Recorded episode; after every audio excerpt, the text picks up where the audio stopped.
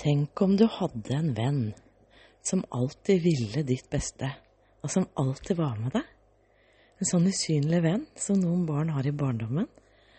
Og den vennen fortsetter å være ved din side. Og så er det noen som er klar over at de har en usynlig venn, og så er det noen som ikke eh, får til å bli kjent med den vennen. Men tenk om du virkelig har en venn. Så hvis du skal kjøpe deg en ny bil og lurer på om du ble lurt nå, eller er det bra kjøp, eller og, og, og så videre. Men du skal ta valg. Tenk om du alltid hadde med deg en venn som ville ditt beste, og som, som kun ville ditt beste. Og det er mange måter å komme fram til eh, gode valg på, har jeg funnet ut. Eh, og det ene, den ene måten Jeg har ikke funnet ut dette av meg selv, altså, herregud. Men jeg har gjort noen valg, og podkasten handler om de valgene jeg har gjort, og de inspirasjonene som har landa i meg. For mange, mange, mange år siden, når jeg var 14, så fikk jeg en jobb og han sjefen min var jo verdens beste sjef. Det var Bjørn Strømnes. Takk, Bjørn. Og, og han skjønte at jeg hadde det dårlig med meg sjøl. Og det hadde jeg jo. Hadde jo en veldig uh, lærerik barndom, får jeg si. Uh, men han, altså en morgen, så, så lå det på pulten min, for jeg kom alltid veldig tidlig. Så, så lå det på pulten min en bok med en gul Post-It-lapp, og så sto det 'Les denne'. Utropstegn og et smil. Og den boka, det var en bok hvor det sto i store bokstaver 'Elsk deg selv'.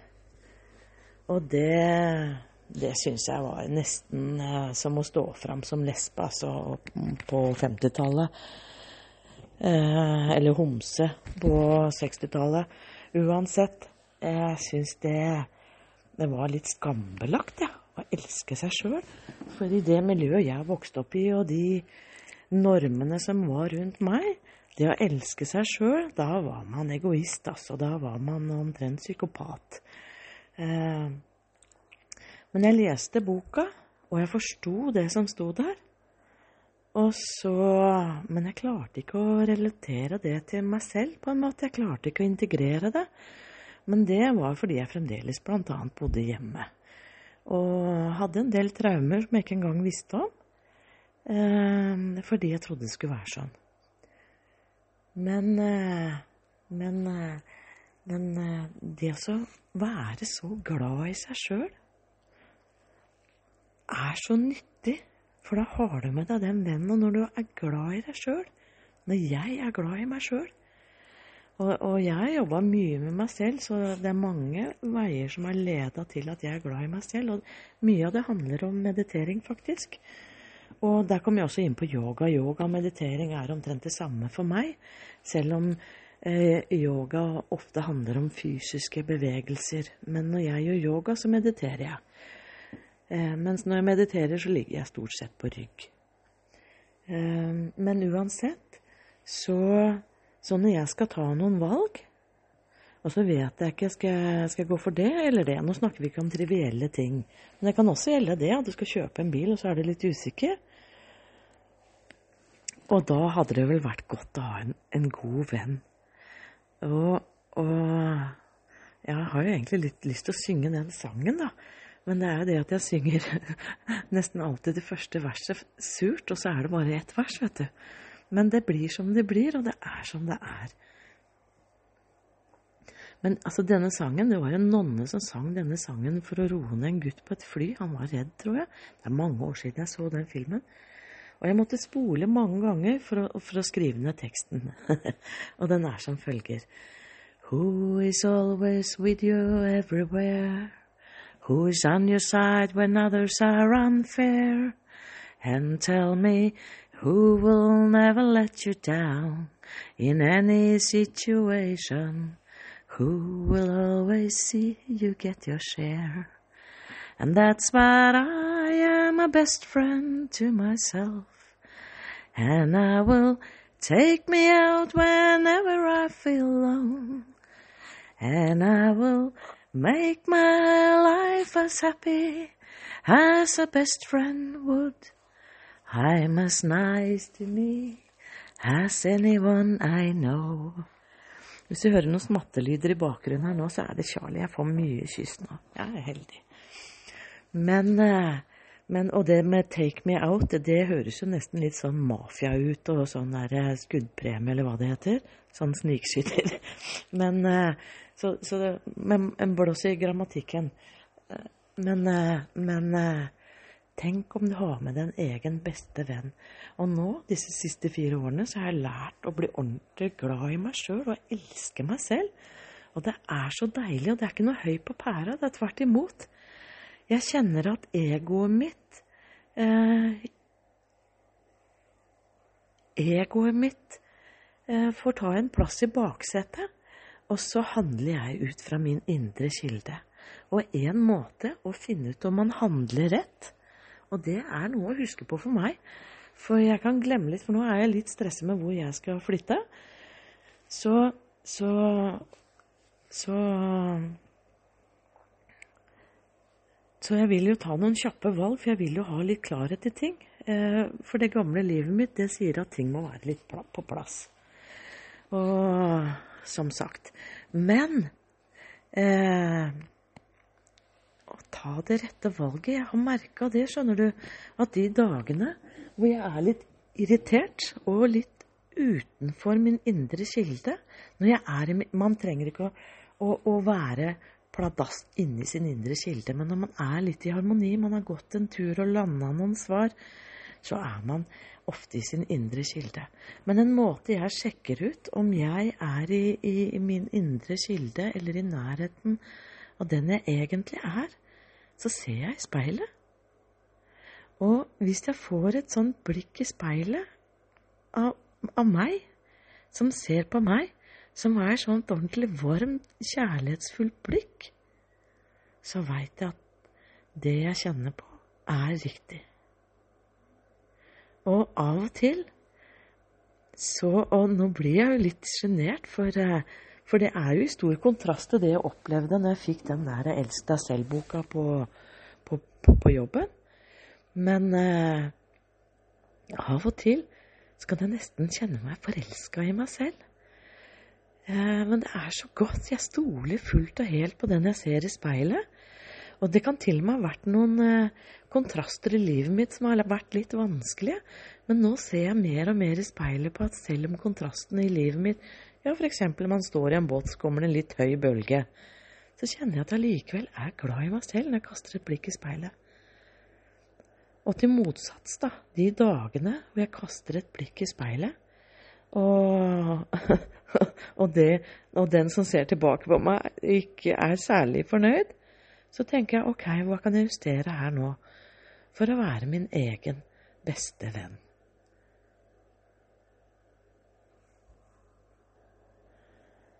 Og det kan være vanskelig å starte i et vepsebol eh, med å være glad i seg sjøl, for der kan det fort bli litt panikk.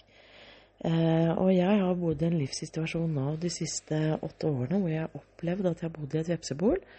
Og da har jeg prøvd mest mulig å stå stille, men det har hjulpet faktisk for meg å isolere meg litt. Sånn at eh, jeg slutter å være redd og får roa meg ned litt. Og, og og jeg vet Du vet best hvilken situasjon du er i.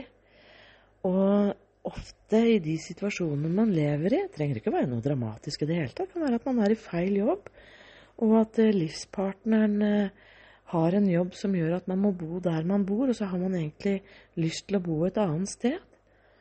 Men når man plukker bort noen lag etter hvert, hvem er jeg egentlig? Hva er min indre stemme? Og du, vet du hva jeg merka i stad? Jeg har jo sagt i flere podkaster at jeg synger surt, men jeg tror ikke jeg synger surt, jeg. Og, og, og, jeg tror bare at noen har fortalt meg det mange nok ganger. Så, så har jeg trodd på det, og så har jeg sunget surt rett og slett fordi jeg har vært redd for å synge. Og så, og så har jeg ikke jeg har ikke satsa. Hvis du vil hoppe over, hoppe over en, en, stokk som ligger på bakken, så må du tro du kommer over når du tar sats. For alt ligger i satsen din. Eller i min. Så når jeg har sunget, så har jeg sunget med så stor usikkerhet at antageligvis har blitt troll jord, og så har det blitt surt. Og grunnen til at jeg alltid synger surt på første verset, det er fordi jeg ikke varmer opp. Og sånn er det kanskje noen strofer i livet ditt også, hvor, hvor eh, du har blitt oppdratt til noe som fremdeles lever i deg, men som tilhører en annen, annen innflytelse som har kommet tidlig til deg i livet. Og jeg har hatt noen store, utfordring, eh, store utfordringer, for jeg har jo fra jeg var på bleiestadiet eh, tilhørt eh, de personene som har vært rundt meg, som har lagt beslag eh, på livet mitt. Med manipuleringer og diverse ting for at jeg skal innfri deres vilje. Og jeg har jo trodd det skulle være sånn. Jeg trodde at jeg var godt voksen. Og jeg gjorde jo forskjellige mekanismer, f.eks. For, eksempel, for jeg satte jo grenser. Men når det skjer fra bleiestadiet, når det gjelder seksuelle overgrep, så er det jo litt vanskelig å sette grenser. Og da blir man jo på en måte det man blir utsatt for over så lang tid. Men når jeg ble sånn ti, så begynte jeg å sette grenser på en annen måte. Jeg begynte å Kanskje før det òg. Kanskje mye tidligere, faktisk. Jeg begynte å endre min feminine eh, væremåte til å bli maskulin. Og den, altså den var Ja, det var lenge før jeg var ti. Um, jeg ble altså så maskulin at når jeg uh, var elleve år, så trodde alle mennesker at jeg var gutt, selv om jeg hadde langt hår. Og det var en energi som, som var min, mitt skjold, uh, og som jeg trodde hjalp mot overgrep. Seksuelle overgrep. Uh, ja. Så, så, det var en krevende reise. Og, og, bare det, jeg husker det. Altså, jeg måtte gå i kjole på konfirmasjonen min. Men for meg kunne du like gjerne ha tvunget meg nedover Karl Johan naken. At jeg var veldig ukomfortabel på konfirmasjonen min. Og, ja, jeg ser ut som en Det er en gutteenergi i den kjolen, altså. Men, og jeg måtte gå mye i terapi før jeg klarte å ha på meg en kjole. Det brukte jeg mye terapi på. Den kommer i en annen podkast. Men det å lære å bli glad i seg sjøl, det tror jeg er det viktigste fundamentet for å starte et godt liv. Eh, og når jeg plukka bort alle elementene i livet mitt eh, for å starte et, et nytt liv som jeg gjør nå, så endte jeg jo opp nesten helt alene. Ganske alene. Og, og hva er det jeg ønsker meg? Hvem er jeg egentlig? For jeg har jo levd etter alles ønsker i alle år. Og det har vært en jobb. Og det jeg gjorde, var til å gå tilbake til barndommen. Hva var det jeg var glad i? Jeg har alltid vært glad i vann. Jeg elsker vann. Jeg tror, jeg tror jeg har vann i blodårene mine men jeg har veldig sterk tilknytning til vann. Og så er det en annen side i livet mitt. Jeg har altså hatt så mange ubehagelige livserfaringer at kroppen min rett og slett har slått fysisk krøll på meg. Så, så jeg ønsker også å bli helt frisk. Eh, og i dag har jeg noe som heter en funksjonell lidelse. Og det er jo ikke til å forstå. Eh, og Men eh, jeg går ikke inn på det heller. Men jeg vil ha et godt liv, og jeg prøver i alle retninger. Og jeg har også et mål om å bli frisk. Men foreløpig så vet jeg aldri hvor langt jeg kan gå, f.eks. Jeg kan gå 30 meter eller 100 meter. Men eh, altså er jeg glad i meg sjøl. Og grunnen til at jeg havna i dette vepsebolet, det var fordi jeg forakta meg sjøl. Det var rett og slett sånn. Hadde jeg vært glad i meg sjøl for åtte år siden, så hadde jeg styrt unna og flytte hit som jeg bor akkurat nå. Og da får du referere til datoer på podkasten. Eh, for akkurat nå, det kan hende at denne podkasten eh, kommer til å leve i ti år, sant? Men eh, den gangen så skamma jeg meg veldig over hvordan kroppen min var blitt. Og så syntes jeg det var veldig vanskelig å bli møtt av et helsevesen som omtrent eh, mente at jeg fikk lammelser med vilje. For den gangen var jeg plaga av veldig mye lammelser. Og det var veldig skummelt å komme i sånne lammelser hvor jeg ikke kunne lukke et øyelokk engang. Så, og, og, og når jeg ikke fikk forståelse, og så var jeg redd for kroppen min, og så mista jeg muligheten til å være fri. Jeg har jo alltid vært fri. Jeg har jo gått Besseggen og rafta i Sjoa. Jeg har alltid vært en megaaktiv person. Og halve, halve livet mitt Jeg identifiserte meg med kroppen min. Livet mitt var kroppen min. Spille bordtennis med to hender, sykle enhjulssykkel, hva som helst. Og elske å gå i naturen. Og plutselig så slutter kroppen min å virke. Og så er det noen som sier at kroppen din har lyst til å få lammelser. Eh, og det skjønte ikke jeg noe av. Og så begynte jeg å hate kroppen min. Eh, og jeg har i grunnen hatt mange år med hat til kroppen min. Men nå, som jeg ser ut som eh, kjerringa til Michelin-mannen Vet du hva, jeg er så glad i kroppen min, jeg. At jeg må smile. Og så er jeg glad i meg sjøl. Og så er jeg så god som jeg er. Og så Jeg må smile enda mer, for eh, nå kjenner jeg er i kontakt med den indre kilden. Og når man er i kontakt med den indre kilden, så kjenner man bare glede. Det er helt sant. Og jo lenger bort man kommer fra sin indre kilde, jo sintere ser man den personen i speilet. Og noen ganger kan man være så frustrert at man ikke har lyst til å se seg selv i øynene, og da er man veldig langt fra å gjøre gode valg. Så det er en, for meg en indre pekepinn på når jeg kan gjøre gode valg. Jeg kan f.eks. bruke den kinesiologiteknikken som ligger i en annen podkast, med å, å, ta hånda fram og så trykke på den. Eh, den podkasten heter 'Å finne svar'. Og her er det mye overlappinger, masse gjentagelser. Du får spole. Men eh, Men eh, det å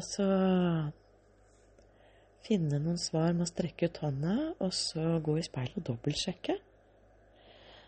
Og så er jeg litt Foreløpig så har jeg liten livserfaring med å følge min indre stemme. For jeg har, jeg er jo fremdeles lever isolert fremdeles. Bare, nå er det bare 15 dager igjen, altså. Å, jeg er så spent. Men eh, det å bli mer og mer kjent med meg selv, så jeg kan gjøre gode valg. For nå, nå vil jeg bare ha det godt, jeg. Ja. Og det kan jeg. Jeg skal bare gjøre andre valg. Andre gode valg. Som eh, Som min indre beste venn og min indre kilde blir glad av. Og jeg også.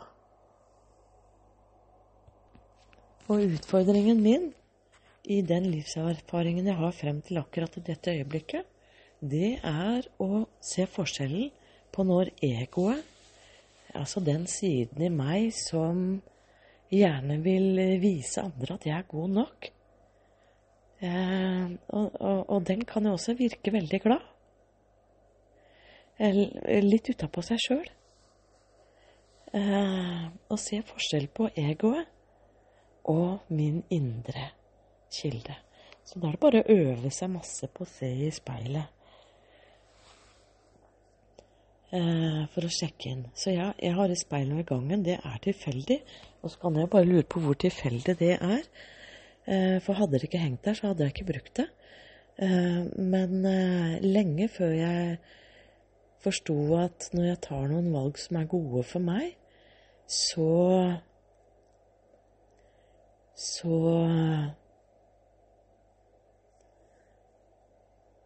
så ser jeg en veldig glad jente i speilet der. Og da kjenner jeg at det, det er meg. Det er min indre kilde som er glad, og min, min beste venn. Og, og nå har jeg f.eks. solgt huset, og, og jeg har holdt på å selge det ganske lenge. Jeg gikk veldig langt ned i pris, og jeg er så glad for at jeg har solgt, uansett om jeg solgte til underpris. Jeg er veldig glad for den videre reisen. Og tidligere har egoet mitt vært at jeg ville ha prisen boligen var verdt, hvis du skjønner. Men det har noe med markedet og alt sånt å gjøre. Men eh, jeg har gått veldig langt i pris. Ned i pris. Og så er jeg så fornøyd med at jeg skal reise videre. Og ser meg selv i speilet og tenker at hm, 300 000 under pris, helt fint. Jeg er veldig glad for jeg skal videre.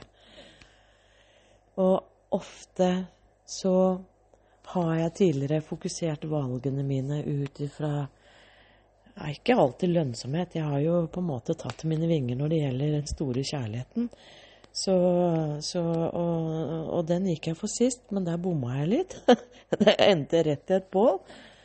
Eh, og det kosta meg mye økonomisk, så der tok jeg Men som sagt, hadde jeg vært glad i meg sjøl på den tiden, så hadde jeg tatt et annet valg. Hva gjør deg glad? Din indre kilde, så glad at du Sånn glad som han eh, Som, han, som barnslig glad. Se deg selv i speilet, og så sjekker du ut litt hvis du har lyst til å prøve denne metoden. Dette er bare en metode for å sjekke inn med deg selv hvor du står i livet ditt. Er du på parti med deg selv? Er du god med deg selv? Er du glad i deg selv? Og hvis du ser i speilet og er forelska i ditt eget speilbilde og, og det, ja, Dette kan ofte misforstås med narsissus og sånt, og det er ikke det jeg mener. Nå snakker jeg om den kjærligheten du kjenner. Og egoet kjenner ikke kjærlighet. Egoet kjenner først og fremst på triumf og vinne. Og det er en læringsprosess, har jeg merka. Å merke forskjell på egoet, som ønsker å tilfredsstille normer og samfunn, og, og være god nok i et samfunn. Men jeg skal slutte å strebe etter det. Jeg skal strebe etter det som er godt. For hjertet mitt